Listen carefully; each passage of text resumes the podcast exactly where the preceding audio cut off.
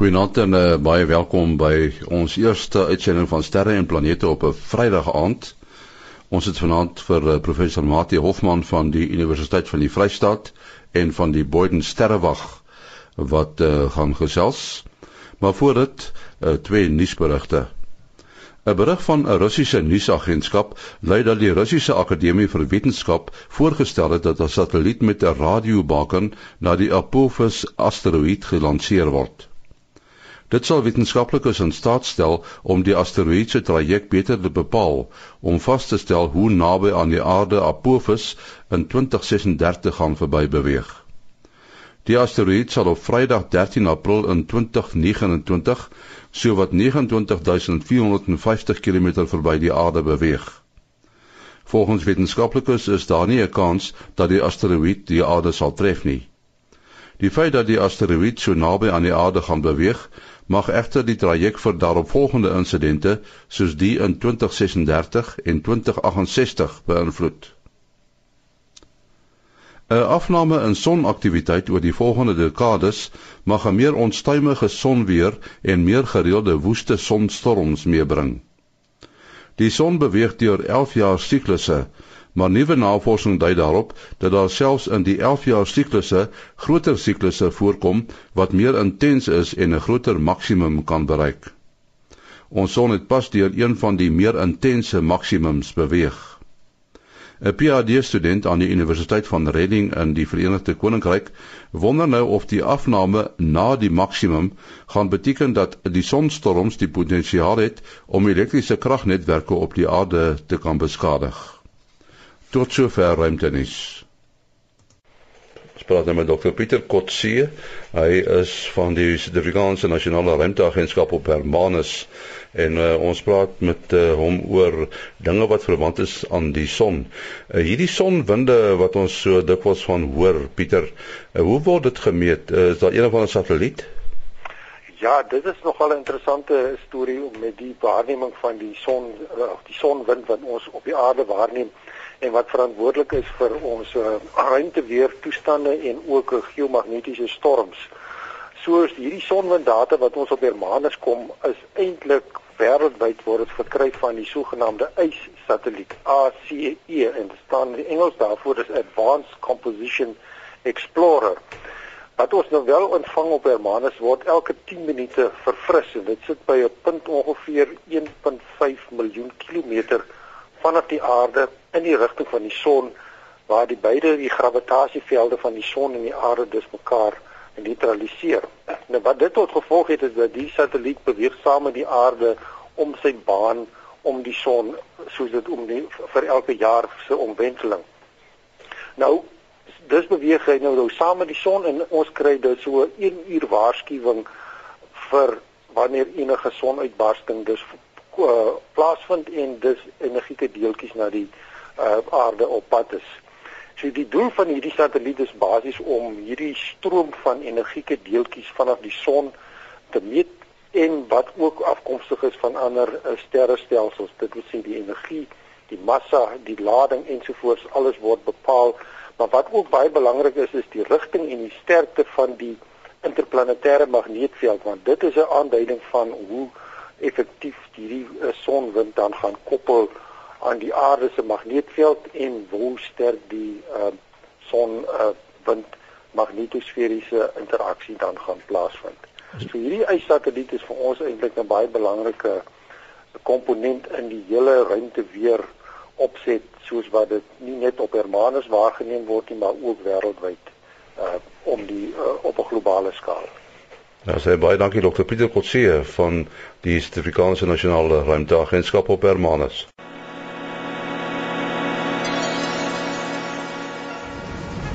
Sterre en planete, reuse sterrestelsels, ver afgeleë nevels, massiewe gravitasiekolke. Ja, sterre en planete word nou Vrydag aande om 8:00 uitgesaai en gereelde sterre aande vind op verskeie plekke in ons land plaas. Die volgende sterreaand is by die Sandveld Natuurreservaat naby Bloemhof waar meer inligting oor die SKA verskaf gaan word. Die datum is Saterdag 21 April. Skakel Rina by 056 5153549. 056 5153549. Sterre en planete by Sandveld naby Bloemhof.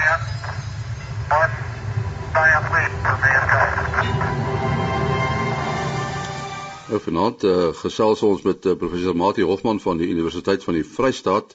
Uh wat die koers is nou ongelukkig nie by ons nie. Hy's op pad na Sutherland toe, na sy werkplek. Ek wil amper sê na sy koue plek toe want hulle sê mos Sutherland is die koudste plek in die land, maar daar's nou mense wat nie wat nie saamstem nie. Weet jy van kouer plekke, Mati? Uh, ek het al gehoor as dit by gemiddelde temperatuur kom dat Griekwastad kouer is. uh, ook in die ook in die Noord-Kaap.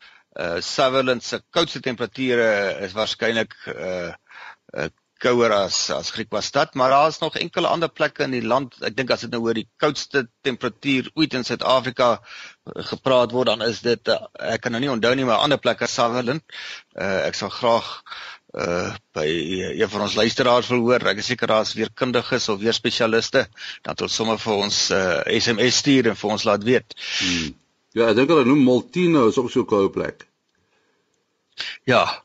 Ja, daar in die uh omgewing bekleed daar waar die mooi berge en hmm. uh daar's mos ook 'n plek waar jy kan gaan uh op die uh, sneeuskaats. Ja, ja.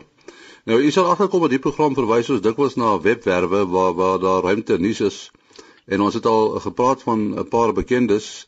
Die uh, heel bekendste is waarskynlik die uh, die space.com, www.space.com.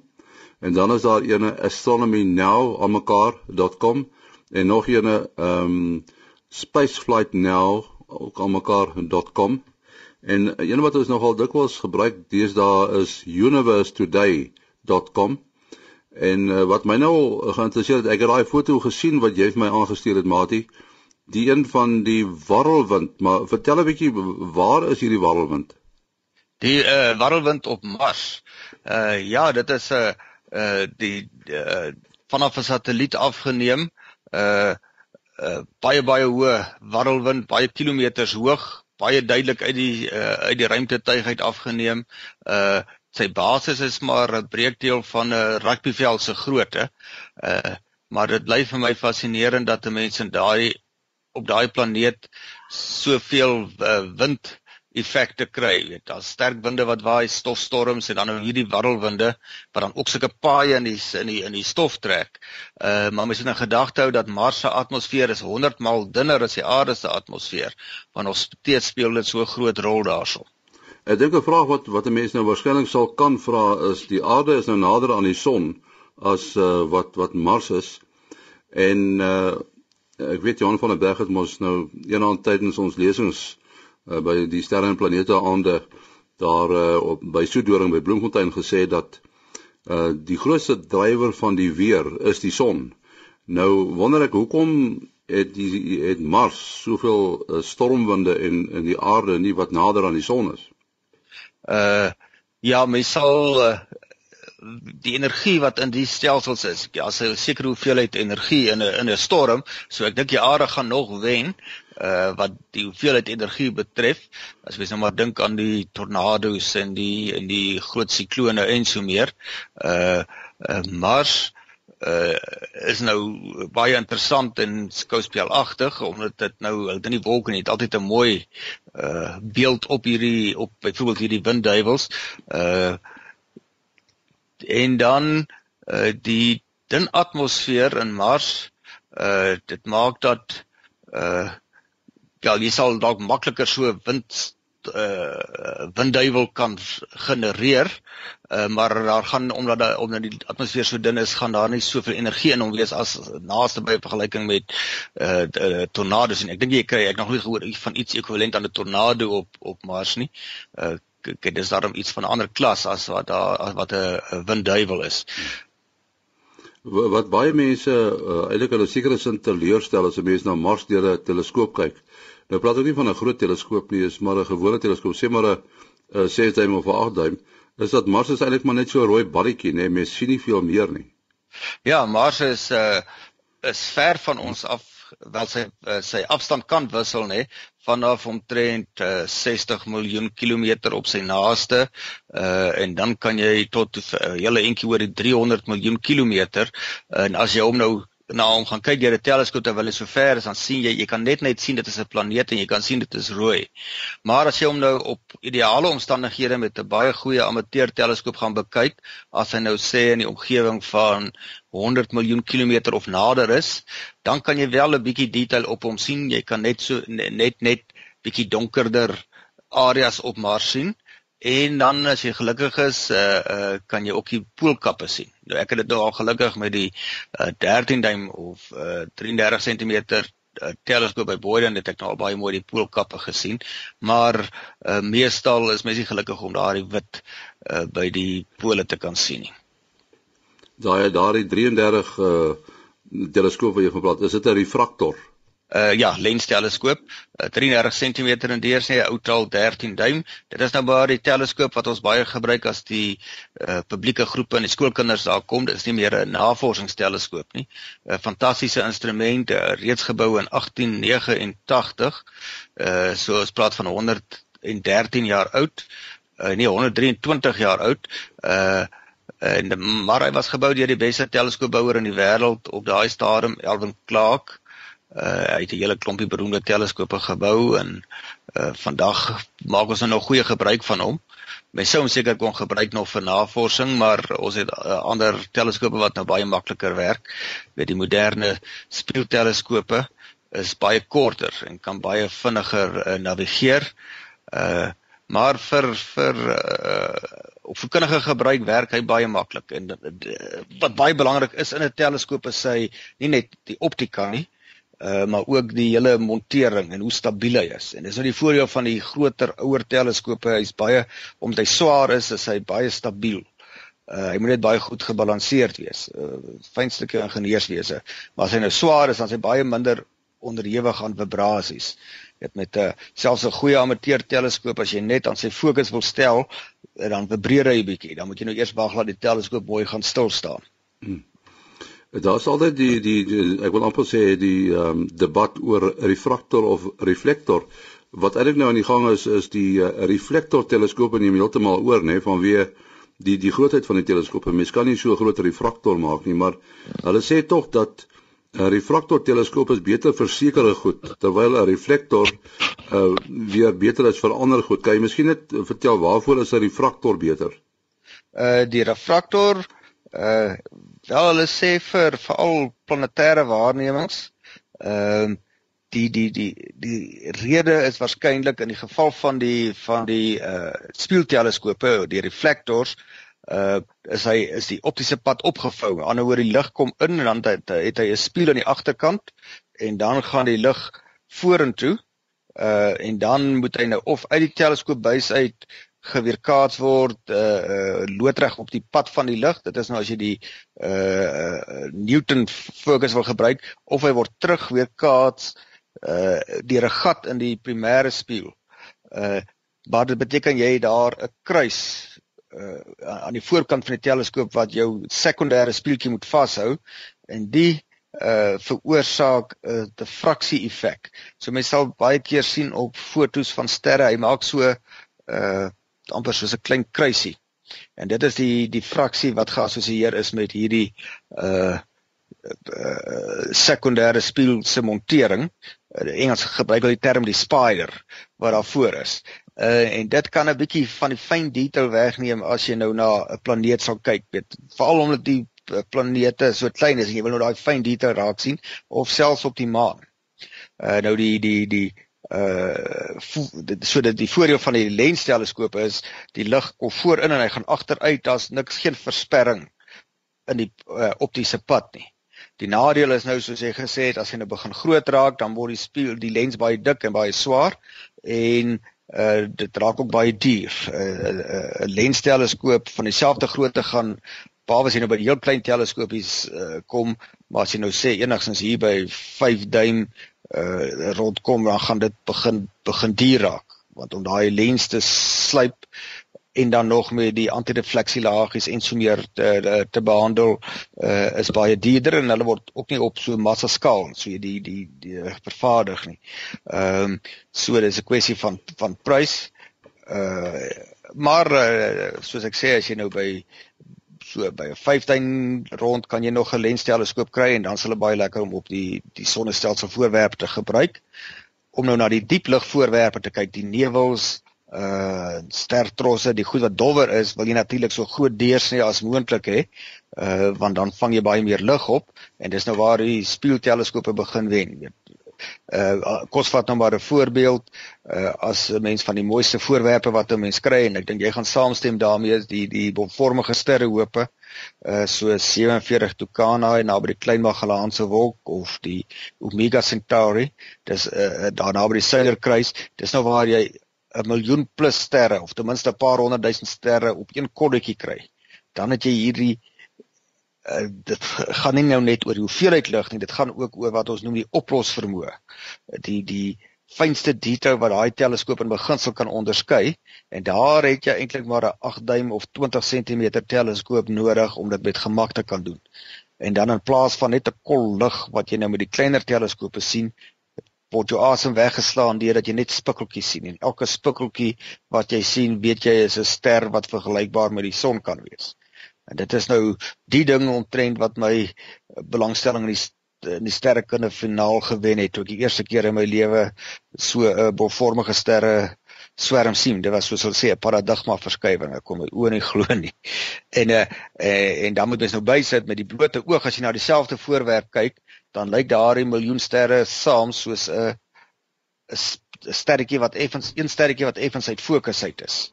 Uh so as jy jy word beloon as jy daardie bietjie beter teleskoop het, maar as mens nou wil begin, uh dan hoef jy nou nie, want dan begin dit al bietjie geld kos, nê.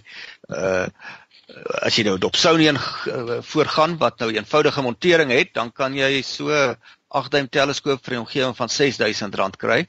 Maar as jy hom nou gemotoriseerd wil hê, uh en dan ook nog onder rekenaarbeheer dan praat jy uh weet van 20000 plus. Nou heeltemal iets anders en uh ek wil 'n bietjie praat oor die die Melkweg ons galaksie. As 'n mens nou in die aand kyk, dan sien jy hierdie uh die die sogenaamde wit streep. Jy sien dit nou beter as jy byvoorbeeld in die Karoo staan, hierdie wit streep uh loop rofweg van oos na wes. Ek sê rolweg maatie want want sy posisie is nie altyd dieselfde nie, is ek reg? Uh ja, nee, dit is altyd interessant om uh heelwat tyd buite in die aand te spandeer en bietjie net te absorbeer wat 'n mens sien en uh dit te probeer verstaan en dis nie altyd onmiddellik so maklik om dit te verstaan nie. Uh ek het die eerste keer vir myself dit uitgevind toe ek in die nag moes wag staan en ek het die genoeg tyd gehad om die melkweg dop te hou en op 'n stadium het hy van suid oos omtrent na noordwes geloop. En ja wat later het hy van suidwes na uh suidwes na noordoos geloop. Dit so hy het aansienlike hoek gedraai. En die rede daarvoor is is dat hy nie opgelyn is met die uh die hemelewenaar uh die hemelewenaar is is maar wat jy sou kry as jy die aarde se opblaas dan word die ewenaar word die hemelewenaar en die hemelewenaar sny die horison by die oos en weslyne. Uh nou om dit te kan verstaan kan mens nou wel eerstens daaraan dink dat die suiderkruis uh, lê in die Melkweg en so ook die drie konings. So hy die breë band van baie sterre loop nou so so oor.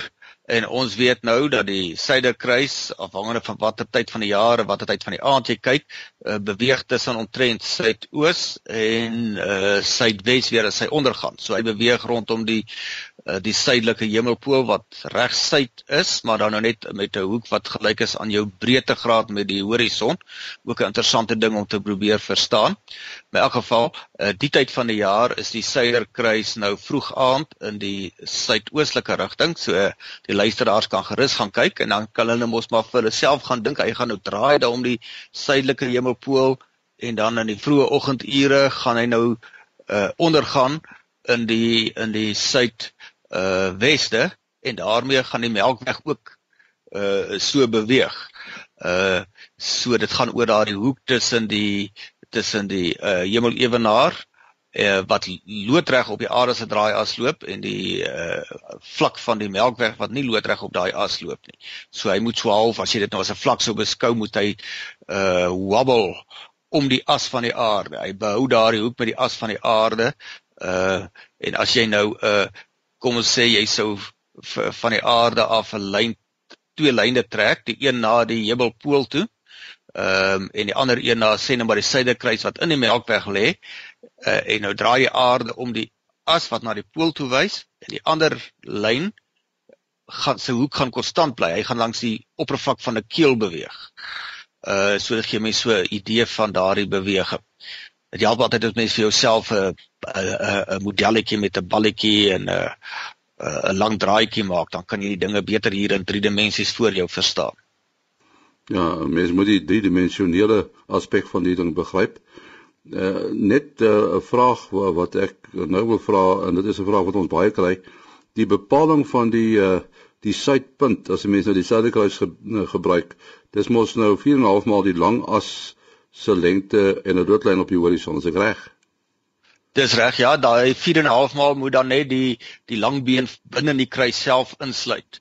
Ehm uh, en die die alternatiewe manier is nou die die die lang been van die kruis wat jy verleng en dan die middelloodlyn op die twee wysersterre uh Alpha en Beta Centauri wat mens mos nou maar altyd saam in die suiderkruis sien en waar die twee uh uh lyne dan uh ontmoet. Hmm. Ja, nou daardie punt uh wat mens dan die suidelike hemelpool noem, uh is dan 'n hoek in 'n geval van Bloemfontein is dit 29 grade bo die horison.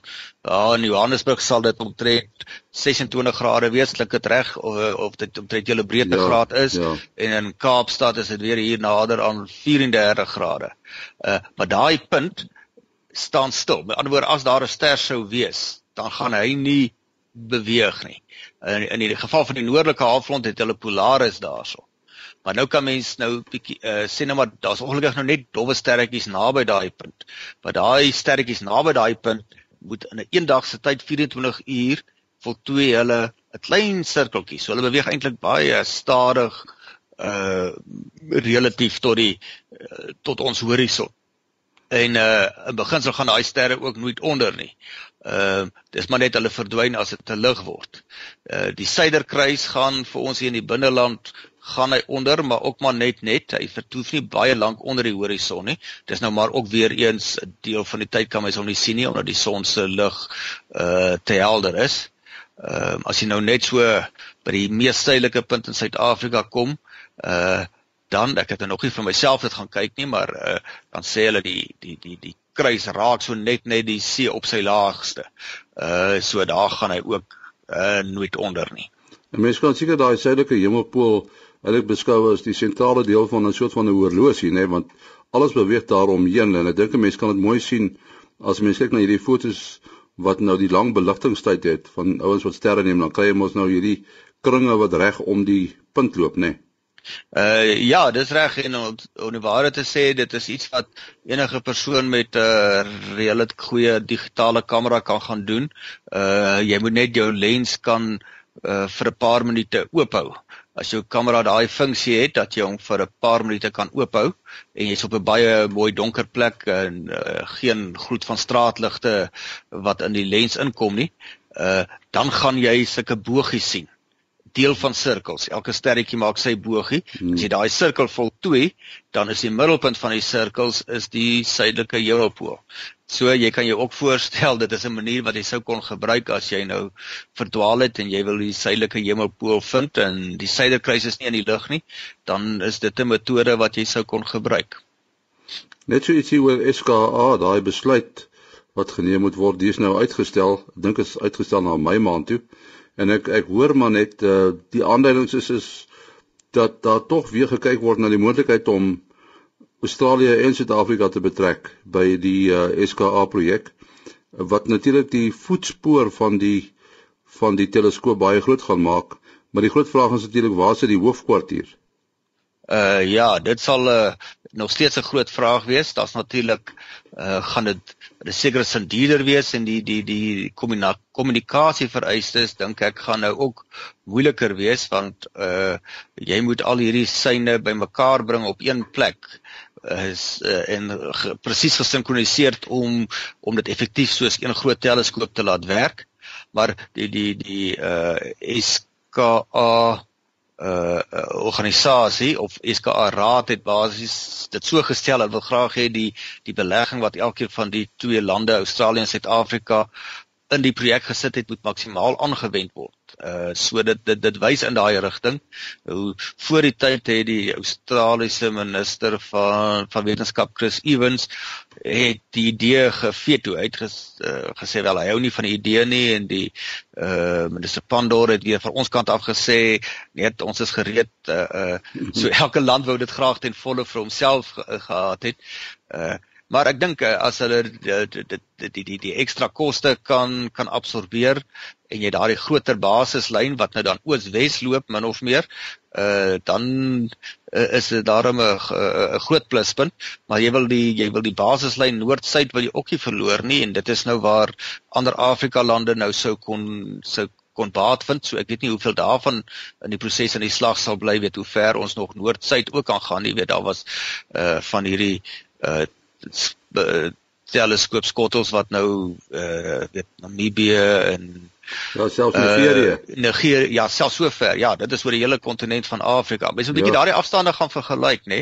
Uh die die voordeel natuurlik van die noord-suidlyn is dat al daai mense is in dieselfde tydsone min ja. of meer. Ja. Ehm um, die die die Australië Suid-Afrika wisselwerking samewerking sal nou weer die voordeel hê en hulle het dit eintlik al gedoen dat hulle uh, as jy genoeg 'n klein kluster van teleskope of 'n groot kluster van teleskope het wat elkeen op sy eie groot teleskoop radioteleskoop effektief gee, maar nou het jy hulle in verskillende tydsones, dan kan jy weer sekere prosesse uh oor 'n verloop van tyd monitor. By ander woorde, jy uh as hy nou by Australië uh sou ondergaan, dan het hy opgekom by Suid-Afrika, dan sê hy vir Suid-Afrika nog waarneembaar. En dit is nogal belangrik weer partykeer by tydkritiese waarnemings wat uh wat jy moet kyk wanneer 'n bepaalde uitbarsting gaan plaasvind en dis 'n hele verloop wat jy oor 'n kwessie van uh uh, wel kom ons sê nou maar 18 ure wil waarneem. Jy kan hom nie van een plek af vir 18 ure lank uh dophou nie, miskien vir 8 ure lank afhangende van waar hy wat sy breedtegraad is. Ehm um, of uh ja, solank as wat hy bo die horison is wat maksimaal daarom tot 12 ure kan kan strek. Die radioteleskope kan jy nou in die dag ook werk. Jy's nie onderhewig aan dat jy in die donker te moet werk nie. Nou ongelukkig moet ons nou al roep Matie jou besonderhede. Uh selfoonnommer 083 625 7154 083 625 7154 En my e-posadres maas.henny@gmail.com maas.henny@gmail.com Tot uh, volgende Vrydag om 8uur alles van die weste